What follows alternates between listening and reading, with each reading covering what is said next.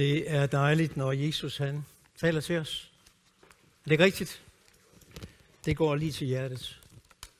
Dejligt at se så mange, der er mødt op sådan en øh, sommerkirke her. Øh, sådan statistikken, den fortæller egentlig, at søndagen lige efter sommerkampen, så plejer der at være ret mange. Så er der, hvis vejret det så bliver godt, så søndagen efter, så falder det lidt igen. Og så derefter, så går det kun fremad med hensyn til deltagere til gudstjenesten. Men det er jo fantastisk, at, øh, at der er så mange, der mødte op for netop at løfte Jesus op. Vi er gæster i dag her. Hvis du er gæst her, så håber jeg bare, at du sidder og føler dig rigtig godt tilpas. Talt med nogen fra Kolding. Så der var nogen her fra Randers. Og øh, andre feriegæster måske, som er på besøg her. Det er så dejligt for os at få besøg. Det elsker vi. Vi elsker, når der kommer nye ind i, i, til vores gudstjenester her, og vi bare får lov til at opleve Jesus sammen. Det er rigtigt, Anja. Øh, I søndag så talte jeg lidt om omsorg. Det er egentlig bare mit, øh, mit, øh, min overskrift. Det er sådan, at Dan, han, øh, han elsker prædikenserier. Og han elsker emner, og han elsker store øh, PowerPoint. Øh, alt det her, det får I ikke i dag. Og jeg har bare lige et enkelt ord. Det er omsorg. Og sidste søndag, så talte vi lidt om Guds omsorg for sit folk. Så lidt på israelitterne. I dag så vil jeg gerne øh, bare bruge Jesus som eksempel på omsorg. Hvordan han mødte mennesker, og hvordan han bare viste omsorg ind i mange forskellige situationer. Og næste søndag så skal jeg tale lidt om omsorg øh, ud fra den første menighed. Øh, både i apostlenes gerningerne, men også lidt af undervisning, som vi har fortsat i det nye testamente. Fordi omsorg, det er jo vigtigt. Er det ikke rigtigt? Var det ikke dejligt, der var en, der kom og viste dig lidt omsorg, når du kom her i dag? Vi har nogle fantastiske værter, som de kan bare det der. Hvor de tager imod mennesker og bare er der for mennesker, der kommer. Og sådan er det jo vel alle steder, hvor vi egentlig er. Vi elsker, når vi får en ven. Er det rigtigt? Og vi får nogen, der bare er der for os. På sommercampen i år, så fik jeg en ny ven. Ikke lige en ven, jeg havde regnet med at få. Øh, jeg boede i campingvogn sammen med Marie, og lige over for os, der boede øh, Kirsten og Christian Brink. Og øh, de har en stor papegøje. Den stod ude foran, og øh, jeg så jo hver eneste dag, at Christian han brugte tid, hvor han sad og snakkede med den her papegøje, og gav den noget at spise, og viste den virkelig omsorg. Og øh, der kom en masse børn, og så på den her papegøje. Og jeg var der sådan lige forbi den et par enkelte gange. Øh. Men ellers så tænkte jeg egentlig ikke så meget på den. Men en dag, hvor jeg skulle ud af mit telt, det var sådan slutningen af ugen, og jeg skulle egentlig op og snakke med Erik og Pia, der boede lidt længere op og sad udenfor ved et bord og et par dejlige stole. Og når så jeg kommer ud, så er der en, der siger, hej Karsten. Altså med en, en, øh, en sådan en, en lidt anderledes stemme. Og kender I det? Jeg, jeg standsede bare op og tænkte, hvad var det?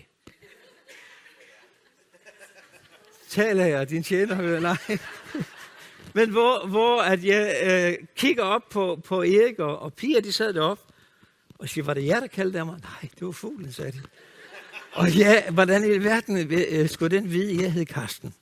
Og lige når jeg kom ud, hej Karsten. Men jeg følte faktisk, at jeg fik en ven. Der var en der, der egentlig øh, havde lidt omsorg for mig, og øh, bare var der for mig. Og øh, der er ikke noget, der er bedre. I det her nøglevers, det enkelt vers, som jeg bare har med sådan gennemgående de søndage her, det er i 1. Peters brev, kapitel 7, og det er 7. vers, hvor der står, kast alle jeres bekymringer på ham, fordi han har omsorg for jer. Og det er egentlig mit budskab, de søndage her, det er omsorg. Omsorg for jer. Gud havde omsorg for sit folk. Nu skal vi på vandring med Jesus. Vi skal gå lidt igennem øh, det meste, det er Johannes evangeliet, hvor vi bare møder Jesus i mange forskellige situationer, og så ser, hvordan han var der for mennesker. Han var der helt bogstaveligt, og bare elskede. Og jeg synes, at øh, det hilsner, som Hanna, Hanna hun havde til os før her, fortæller jo bare om Guds omsorg, om Guds kærlighed. Vi er ikke bare nogen, han sådan set er ligeglad med, men vi betyder noget for ham. Han elsker os. Og øh, i det første, den første, eller de første personer, vi øh, øh, bare sådan lige skal gå omkring, der er jo, Jesus han mødte jo mange mennesker. Jeg har jo kun 24 minutter tilbage, kan jeg se her. Så øh, det bliver jo kun begrænset nogle enkelte, jeg kommer til at tage ud. Nok også lidt mindre end dem, som jeg har siddet og, og skrevet ned her.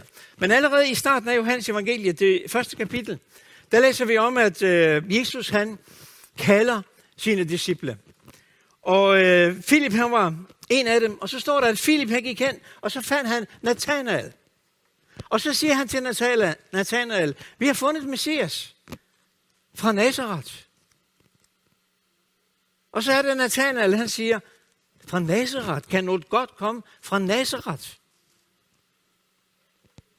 Men så er det, han kommer hen til Jesus for at se, hvad godt kan der være fra Nazareth. Og så er det, at Jesus han siger til ham, før han har hilst på ham, før at de har mødtes, så siger han, der kommer der en israelit, øh, i hvem der ikke er svig.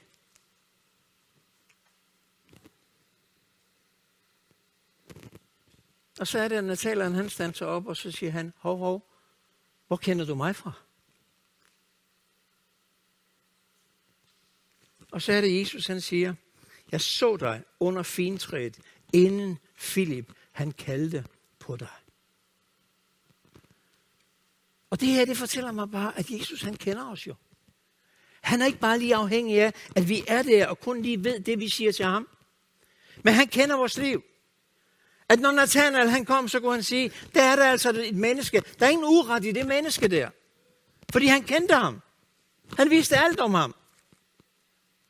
Jeg så dig allerede, da du sad under fintræet.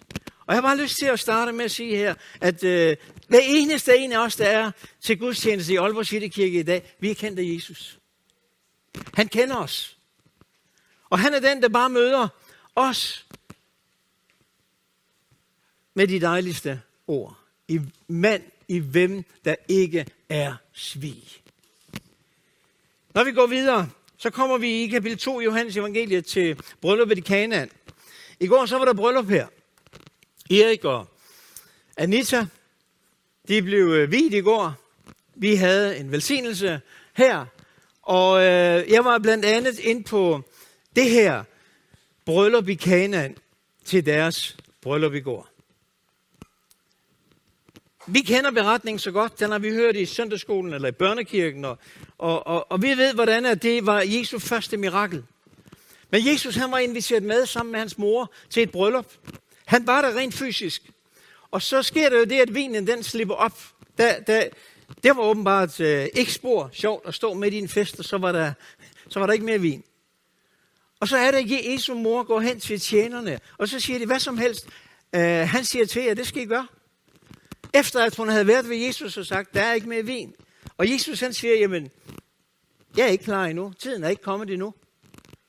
Men alligevel så handler Jesu mor og går hen og siger, hvad som helst han siger, det skal I gøre. Og så er det, Jesus han træder ind på arenaen. Og så er det, han går hen til tjenerne. Og så siger han, der står seks vandkar her. Der kunne være 100 liter i den hver. Dem skal I fylde op med vand. Og det gjorde de uden rigtig at vide hvorfor. Og når de var blevet fyldt op med vand, så tager han lidt op, og så siger han, gå nu hen til dem, som har arrangeret festen her, og lad dem smage på det her. Og øh, ham, der arrangerede festen, han øh, stod jo med et stort nederlag, fordi ah, der var ikke mere vin. Når så han smager på vandet, som kom fra brønden, var kommet op i disse her kar, så var det en vin, der var noget bedre end den første, man havde serveret. Og han kunne slet ikke forstå det her. Det jeg bare vil sige med det her, det er, Jesus han var til stede. Han var inviteret med ind. Og han var ikke ligeglad med, om den her fest blev en stor fiasko. Men han var egentlig den, der trådte i karakter. Selvom han tænkte, åh, oh, det er lige, øh, måske lige lidt tidligt. Så var han der alligevel. for de mennesker, som holdt denne her fest, og hvor han var inviteret ind som gæst. Så han gjorde et mirakel. Han forvandlede det her vand til vin. Han var der. Han brød sig om. Han øh, kædede sig om. Han sørgede for. Han tog sig af. Og det er lige nøjagtigt, sådan Jesus han er. Fortsætter vi lidt. Så kommer vi til Johannes kapitel 4. Og så er Jesus på vandring sammen med hans disciple. Så står der, at øh, Jesus han øh, måtte lægge vejen omkring Samaria. Det var ellers ikke et sted, han øh, var vant til at komme, og jøderne kom ikke der. Men Jesus måtte gøre det. Og når han kommer til en by, der hedder Sykar, i øh, Samaria, så sætter han sig ned ved brønden. Disciplerne de går ind for at øh, øh, købe noget mad. Og der sidder han bare, og der står, han var træt. Jeg kan godt lide nogle af de her menneskelige ting, som også var ved Jesus. Han var Gud. Han gjorde mirakler. Men han var også under en begrænsning. Han havde givet afkald på det guddommelige, og egentlig blev et menneske. Han var træt. Og når han sidder der, så kommer der en kvinde for at hente vand. Og jeg elsker de her beretninger helt sådan dagligdags. Hvor Jesus han bare træder lige ind i situationen. Og så begynder han at tale med den her kvinde om øh, det at hente vand. Og så siger han, giv mig noget at drikke. Det gør hun. Og så er det, de får den her samtale omkring livets vand. Men drikker man af det vand, jeg giver, vil man aldrig mere tørste, siger Jesus. Det vand, jeg giver, det bliver som en kilde, der vælger frem til evig, evigt liv. Og så siger kvinden, åh, giv mig af det vand. Og så er det Jesus, han træder ind i situationen igen, og så siger han, ja, gå og hent din mand. Og så er der, hun siger, åh, jeg har ingen mand. Og Jesus, som jo kender alt, som ved alt, han siger, nej, det er rigtigt, du har haft fem mænd. Ham, du lever sammen med nu, han er ikke din mand. Og hvad så? Var det den her løftede pegefinger? Hov, hov, fy, fy. Det var en kærlig pegefinger i hvert fald. Det var en, en kærlig favn.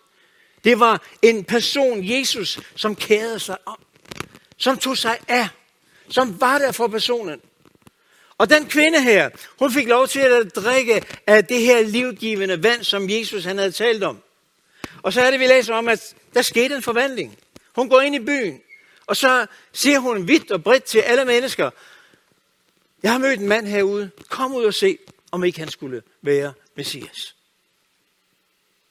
Der skete noget. Og egentlig, på grund af det her, så kom der en vækkelse til den her by. Mange kom og drak det her livgivende vand. Men igen så møder Jesus kvinden her og bare fagner, elsker, taler ord lige ind i hendes situation, visdom. Så det, som øh, øh, han kendte hende jo ikke, men han så hendes liv. Han vidste, hvordan hun var, og hvordan hun levede. På et tidspunkt, når vi kommer hen i Johannes kapitel 6, så øh, havde Jesus øh, rodet over Genesarets sø sammen med sine disciple. Og det havde han gjort efter, at han havde gjort mange mirakler, og mange mennesker havde oplevet, at han åbenbarede Guds kraft. Og de her mennesker, de ville have mere. Så de stod og lagde mærke til, hvor, hvor sejlede de hen. Og så gik de langs øh, stranden der, bredden omkring søen, hen, hvor de så båden, den lagde til. Og når Jesus kommer ind, så ser han alle de her mennesker. Og så er det, han siger til Filip, hvor kan vi købe brød, så alle de her mennesker kan få noget at spise. Tænk, at han havde omsorg selv for brød til de her mange mennesker, som han vidste havde stået og lyttet til ham. De var ikke gået hjem for at spise, men de fulgtes efter ham ind på bredden, mens de sejlede over. Og så er det bare, at han står og siger til Filip, hvor kan vi købe brød? Og Filip han siger, jamen om så vi købte for 200 denar øh, øh, brød, så var det ikke nok til alle de mennesker, som kommer her. Hvorfor siger Jesus, sagde Jesus det her til, til Filip? Der står faktisk, at han gjorde det for at prøve hans tro. Og så er det, at de begynder at finde ud af, hey, hvor meget har vi? Og så er det den her drengs madpakke, den kommer frem. Fem brød og to fisk. Og øh, Jesus han velsigner det, og det blev rigeligt til 5.000 mænd, for uden kvinder og børn. Jeg ved, hvor mange der så havde været. Er det 50-50 med kvinder og mænd her i dag? Det ved jeg ikke. Men øh, der var i hvert fald mange.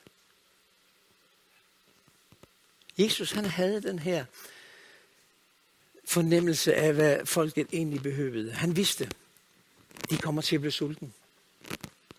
Der er et behov her, som bare skal dækkes. Tænk, at Jesus han, han tænkte sådan. Han så ikke kun de syge og tænkte, jeg skal åbenbare Guds kraft her. Jeg skal komme med lægedom. Jeg skal møde mennesker på forskellige områder, men de helt basale ting, som mad, som drikke, det var egentlig noget af det, Jesus han også talte om. Går vi videre og følges med Jesus til Johannes kapitel 8, så kender vi beretningen om øh, den her kvinde, som fraisererne, de skriftkloge, de kom med. Og så siger de til Jesus, de kom slæbende med hende. Og så siger de, her er der en kvinde, som er grebet på færsk gerning i utro. Hvad vil du gøre med hende?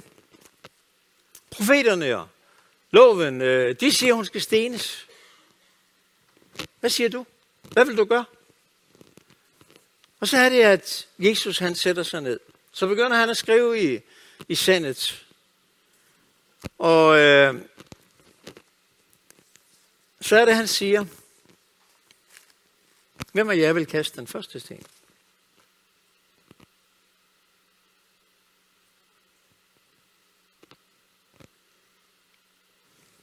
Og det han egentlig oplever i det, som han sidder og taler med dem om, og stille og roligt, mens han sidder og skriver i sandet, det er, at øh, der var ikke rigtig nogen af dem her, der var syndfri. Der var ikke rigtig nogen af dem, der kunne sige, at jeg har aldrig gjort noget forkert. Er jeg værdig til at skal kaste den første sten? Og der står faktisk, at de ældste, de gik først. Og til sidst så er der egentlig bare kvinden tilbage, og så Jesus. Og så er det, at Jesus han siger, var der slet ingen, der fordømte dig? Nej, ingen. Og så er det Jesus, han taler ind i den her kvindes liv. Hun var altså blevet taget på fersk gerning i utroskab. Hvor manden var hen, det fortæller historien ikke noget om her, lidt underligt. Men hvor Jesus han bare siger til den her kvinde, heller ikke jeg fordømmer dig.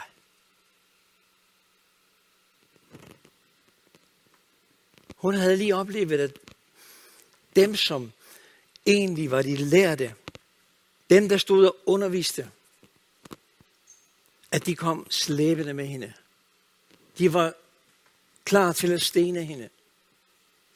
Men Jesus han trådte ind, og så siger han, heller ikke jeg fordømmer dig. Han var der bare fagnet og elskede.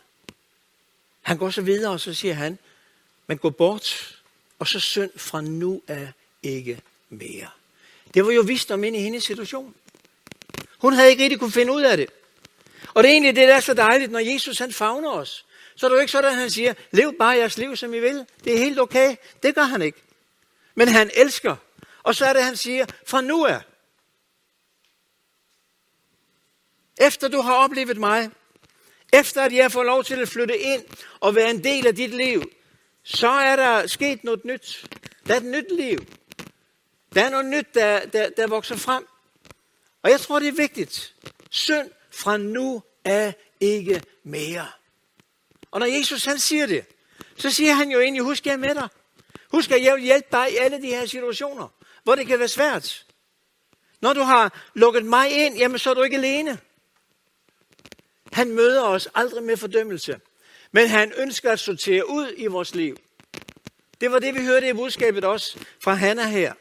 At nogle gange, så kan vi glemme nogle ting, eller overse nogle ting, eller ja, leve vores liv lidt øh, alene, hvor vi ikke har ham med.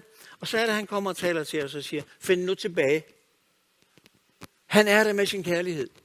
Og han ønsker at sige, jeg fordømmer dig ikke, men lev fra nu af et nyt liv. Går vi videre til Johannes evangeliet til 10. kapitel, så læser vi i, i det kapitel om, at Jesus han øh, omtaler sig selv som den gode hyrde. Jeg er den gode hyrde. Den gode hyrde våger sit liv for at redde forerne. Jeg er den gode hyrde, så siger han, jeg kender mine får, og de kender mig. Og jeg vil ofre mit liv for at redde forerne. Og det er sådan, hans hjerte det er. Han er den gode hyrde, der ønsker at lede os hver eneste dag. Han ønsker at, at, at, at, at, at bare være der for dig og for mig med sin kærlighed. Der var engang en turist, der var, der var i Israel. Måske ude på Bethlehems marker, jeg ved det ikke. Jeg var der engang, hvor jeg i hvert fald derude så en hel masse får, der gik omkring. Og når han står, den her turist, han kommer og, og ser alle de her får, så ser han, så ser han en, som løber efter en stor flok får. Han pisker efter dem. Og så spørger han guiden der, hov, jeg har altid troet, at, for, at hørten gik foran, for at lede forne. Jamen, det gør han også, sagde guiden. Ham, du ser der, det er slagteren. Jesus kommer aldrig nogensinde og løber efter os. Det gør han egentlig ikke. Han taler klart. Og det vil han gøre ind i dit liv. For Jesus, han taler også til mennesker i dag. Og det er bare vigtigt, at når han taler til os, så ved vi, at det er i kærlighed. Det kan godt være alvorligt, men det er alligevel i kærlighed. Det er alligevel med den her omsorg, fordi han ønsker os det allerbedste. Og jeg ved, at der er mennesker her i dag, som øh, er mødt op i dag og har står i en situation, hvor de tænker, hvad, hvad skal vi vælge? Hvad skal vi gøre? Hvad er det, vi skal? Ved du hvad? Jesus, han vil lede dig. Han er der for dig. Og lyt til hans røst. Og bare fornem, hvad det er, han siger til dig. Og Helligånden ligesom prikker lidt til dig. Og, og, og så ved du i hvilken retning, hvad det er, du skal gøre. Når du søger ham, så kommer han som den gode hyrde, der bare har omsorg og vil lede. Senere så kommer vi netop ind på, når vi skal have brødsprydelse her, at han offrede sit liv. Netop for at redde os. Fantastisk. Går vi videre til Johannes evangeliet, det 17. kapitel, så læser vi der øh, om den ypperste præstlige bøn. Det er den her bøn, hvor Jesus han kæmper.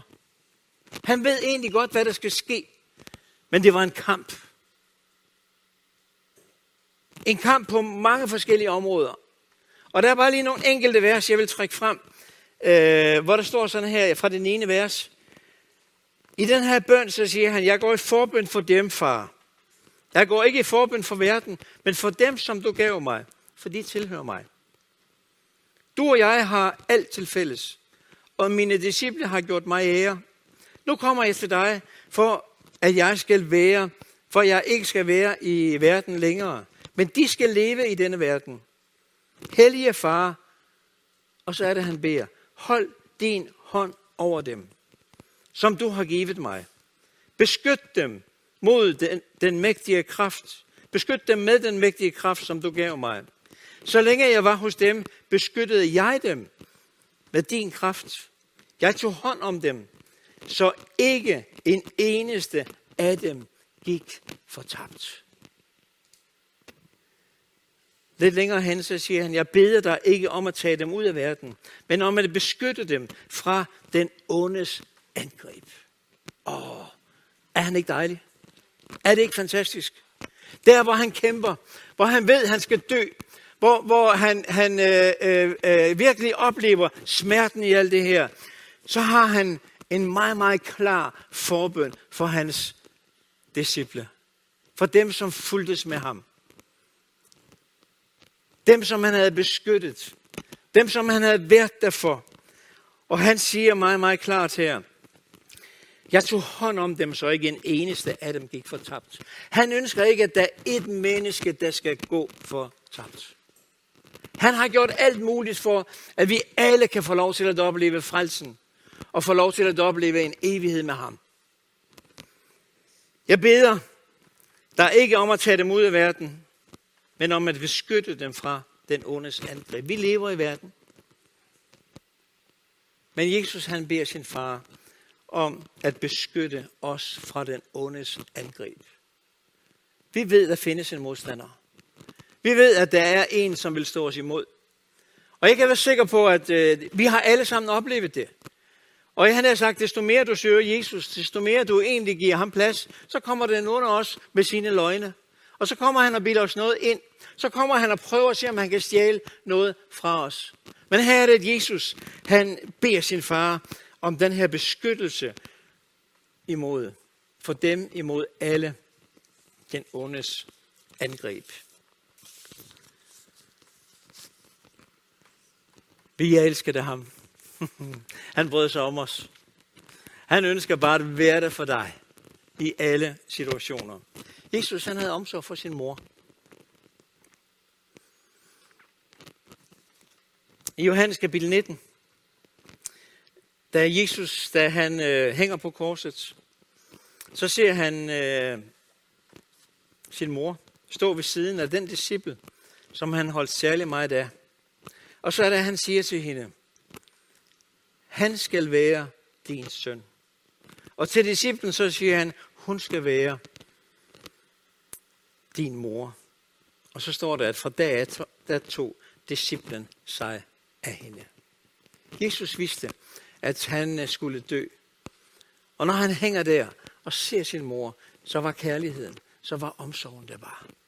Og så er det, han siger til disciplen, tag dig af hende. Og det gjorde han. Og han så ud, og hans kærlighed nåede bare ud til mennesker.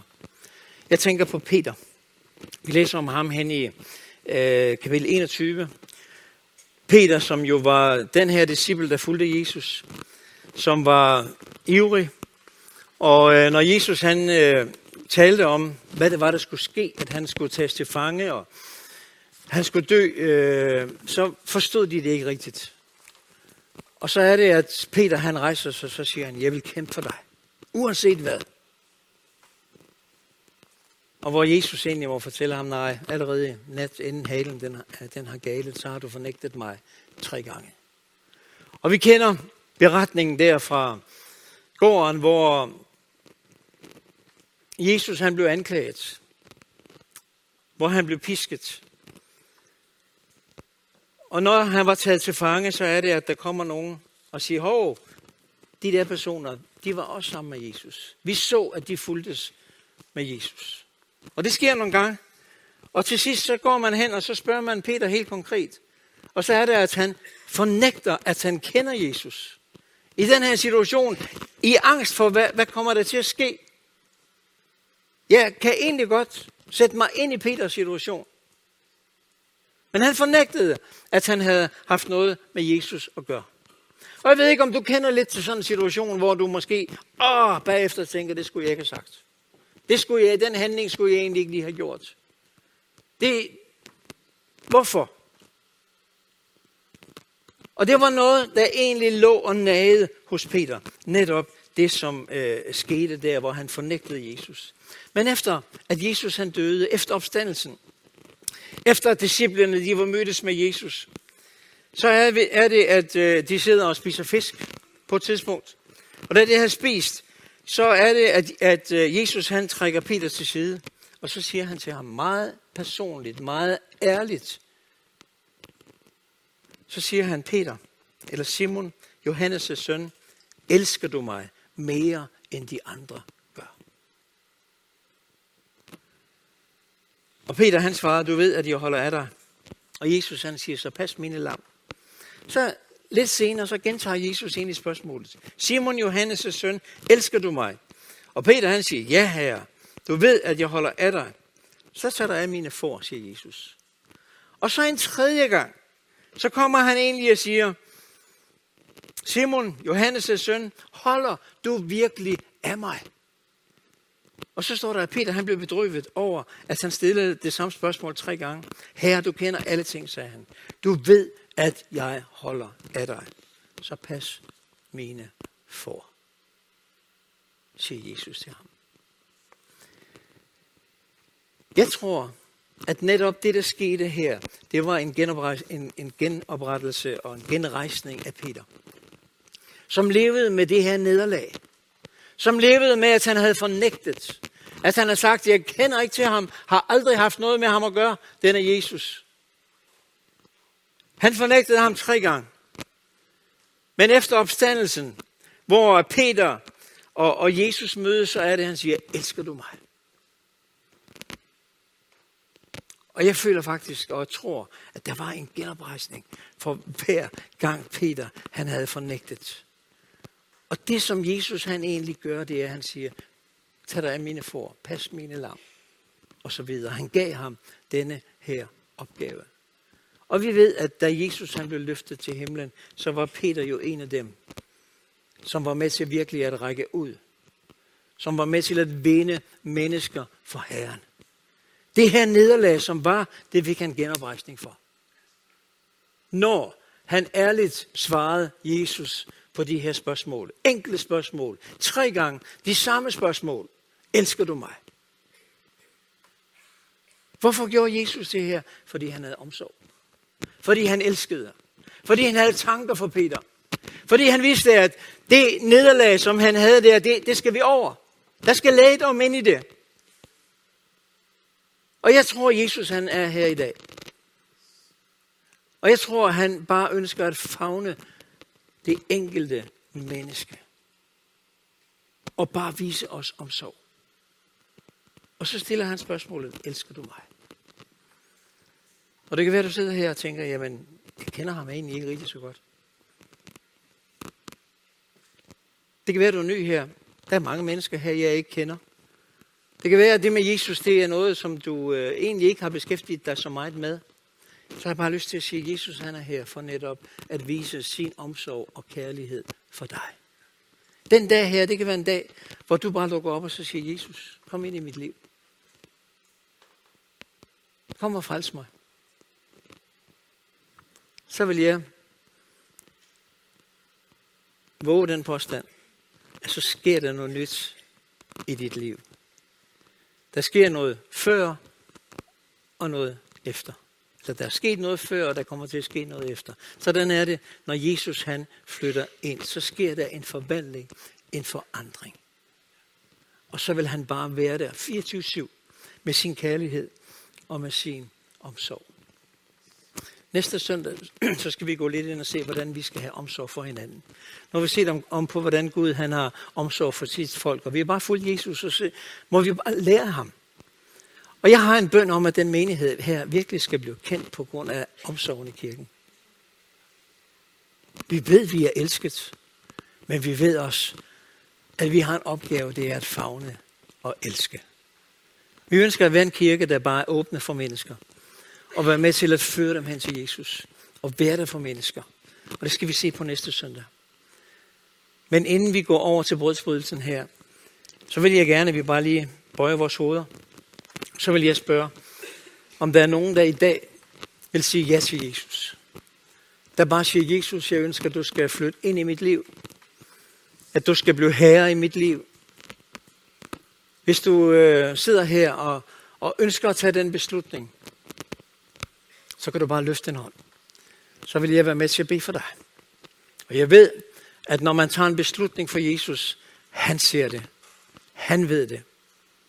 Er der nogen her, der bare vil sige, i dag, så vil jeg tage en beslutning for at følge Jesus. Ja. Vi skal bede. Og dig, der ønsker og bare tage imod Jesus. Jeg vil bede en kort bøn her, hvis du bare siger ordene efter mig, og sådan for at gøre det let, så lad os alle bare være med i den her fælles bøn. Jesus, tak fordi du kender mig. I dag ønsker jeg at sige ja til dig. Jeg ønsker, at du skal flytte ind i mit liv. Og bare forandre det, der skal forandres. Hjælp mig til at leve et liv sammen med dig. Hver eneste dag. Amen.